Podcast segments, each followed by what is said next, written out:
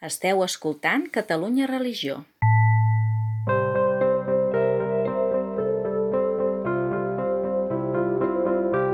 Avui parlem del darrer llibre de Pablo Dors, porta per títol Biografia de la Luz i l'ha publicat Galàxia Gutenberg aquest mes de febrer. Es tracta d'un assaig que recull comentaris breus de l'Evangeli. La recomanació ve de la mà del professor i escriptor Josep Oton des de Barcelona. Pablo Dors ha escrit Biografia de la Luz.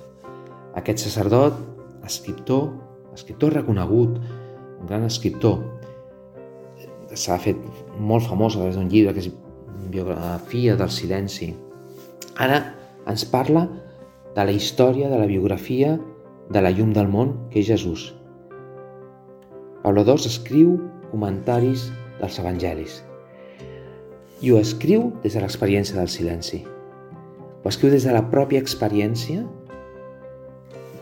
d'aprofundir amb les dimensions interiors per reconèixer en les paraules de l'Evangeli aquella llum que és Jesús i que tots portem dins.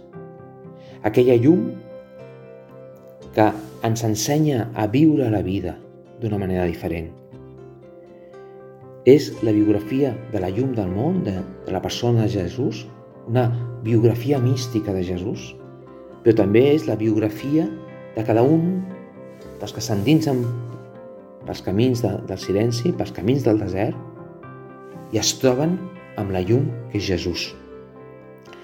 És un llibre molt ben escrit, és un llibre molt respectuós, no intenta fer disquisicions teològiques, sinó que és un llibre que intenta, respectant el misteri, fer-lo realitat a la pròpia vida. Sintonitzar allò que vivim amb allò que està expressat a l'Evangeli, perquè no siguin paraules buides, que no siguin paraules que, que ens sonin llunyanes, sinó que sonin experiència vital de cadascú de nosaltres.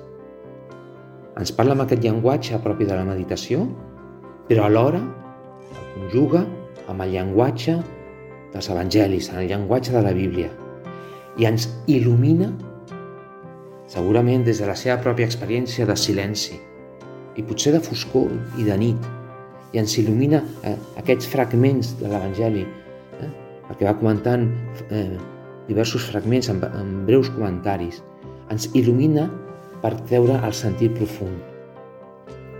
Un sentit profund que ens ajuda a nosaltres a seguir caminant per aquest camí, que és la pregària, la meditació, la contemplació. Catalunya Religió